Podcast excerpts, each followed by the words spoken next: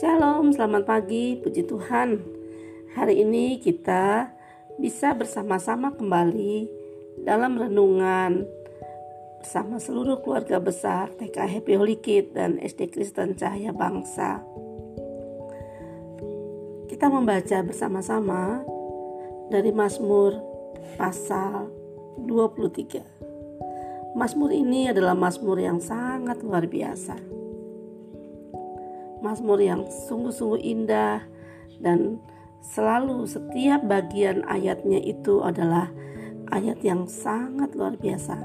Itu sebabnya kita tidak akan uh, lanjut besok di Mazmur 24 tetapi kita akan membahas di Mazmur pasal 2 dan seterusnya. Jadi pasal ini kita akan secara spesial membahas dan membacanya berulang kali. Tuhan gembalaku yang baik Tuhan adalah gembalaku, takkan kekurangan aku. Ia membaringkan aku di padang yang berumput hijau. Ia, ia membimbing aku ke air yang tenang. Ia menyegarkan jiwaku. Ia menuntun aku di jalan yang benar oleh karena namanya. Sekalipun aku berjalan dalam lembah kekelaman, aku tidak takut bahaya, sebab engkau besertaku Gadamu dan tongkatmu itulah yang menghibur aku. Engkau menyediakan hidangan bagiku di hadapan lawanku. Engkau mengurapi kepalaku dengan minyak, pialaku penuh melimpah. Kebajikan dan kemurahan belaka akan mengikuti aku seumur hidupku, dan aku akan diam dalam rumah Tuhan sepanjang masa. Hari ini kita membahas tentang ayat yang pertama. Tuhan adalah gembalaku, takkan kekurangan aku.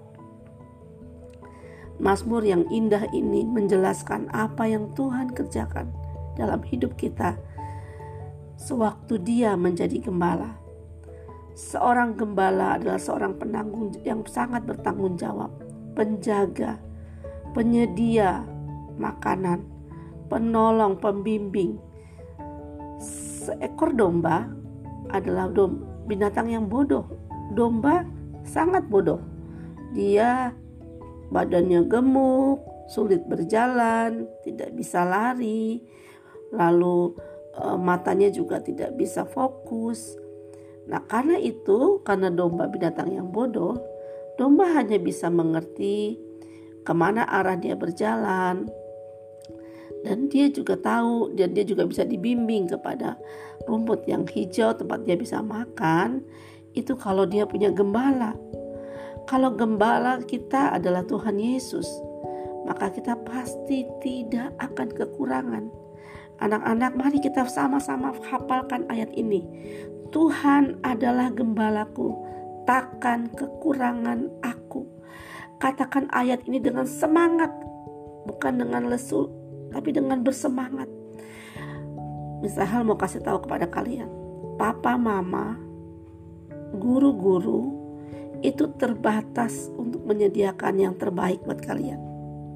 Kami semua menginginkan yang terbaik, tapi kita semua terbatas dalam banyak hal. Kami semua terbatas dalam banyak hal. Kalau anak-anak sudah besar, anak-anak harus bisa memutuskan semua sendiri. Tetapi Tuhan adalah pribadi yang selalu menjaga, menyediakan, menolong, menguatkan, membangun, menjadi perlindungan bagi kalian semua selama-lamanya. Prinsipnya adalah selama Tuhan selalu menjadi gembala kita, kita tidak akan pernah kekurangan. Kita tidak akan kekurangan hikmat. Waktu waktu kita membutuhkan hikmat, bagaimana caranya mengatasi uh, persoalan ini bagaimana caranya saya bisa uh, mengerti hal-hal A, hal B, bagaimana saya bisa tertolong, bagaimana saya bisa mendapatkan kebutuhan ini.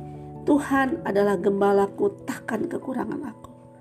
Kita tidak akan kekurangan sukacita, tidak akan kekurangan hikmat, tidak akan kekurangan penyediaan makanan dan sebagainya. Karena dia adalah gembala kita.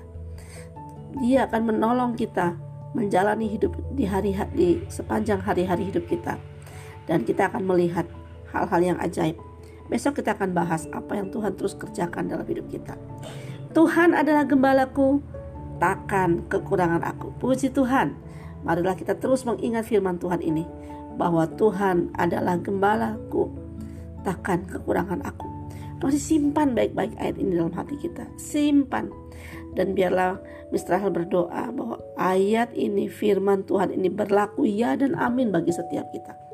Setiap yang mendengarkan hari ini menjadi, mengalami Tuhan sebagai gembala dan tidak akan kekurangan. Itulah kunci daripada kelimpahan.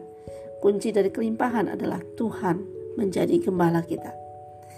Puji Tuhan anak-anak, sekali lagi terus hafalkan simpan firman Tuhan ini menjadi pusaka seumur hidup kita. Tuhan Yesus memberkati.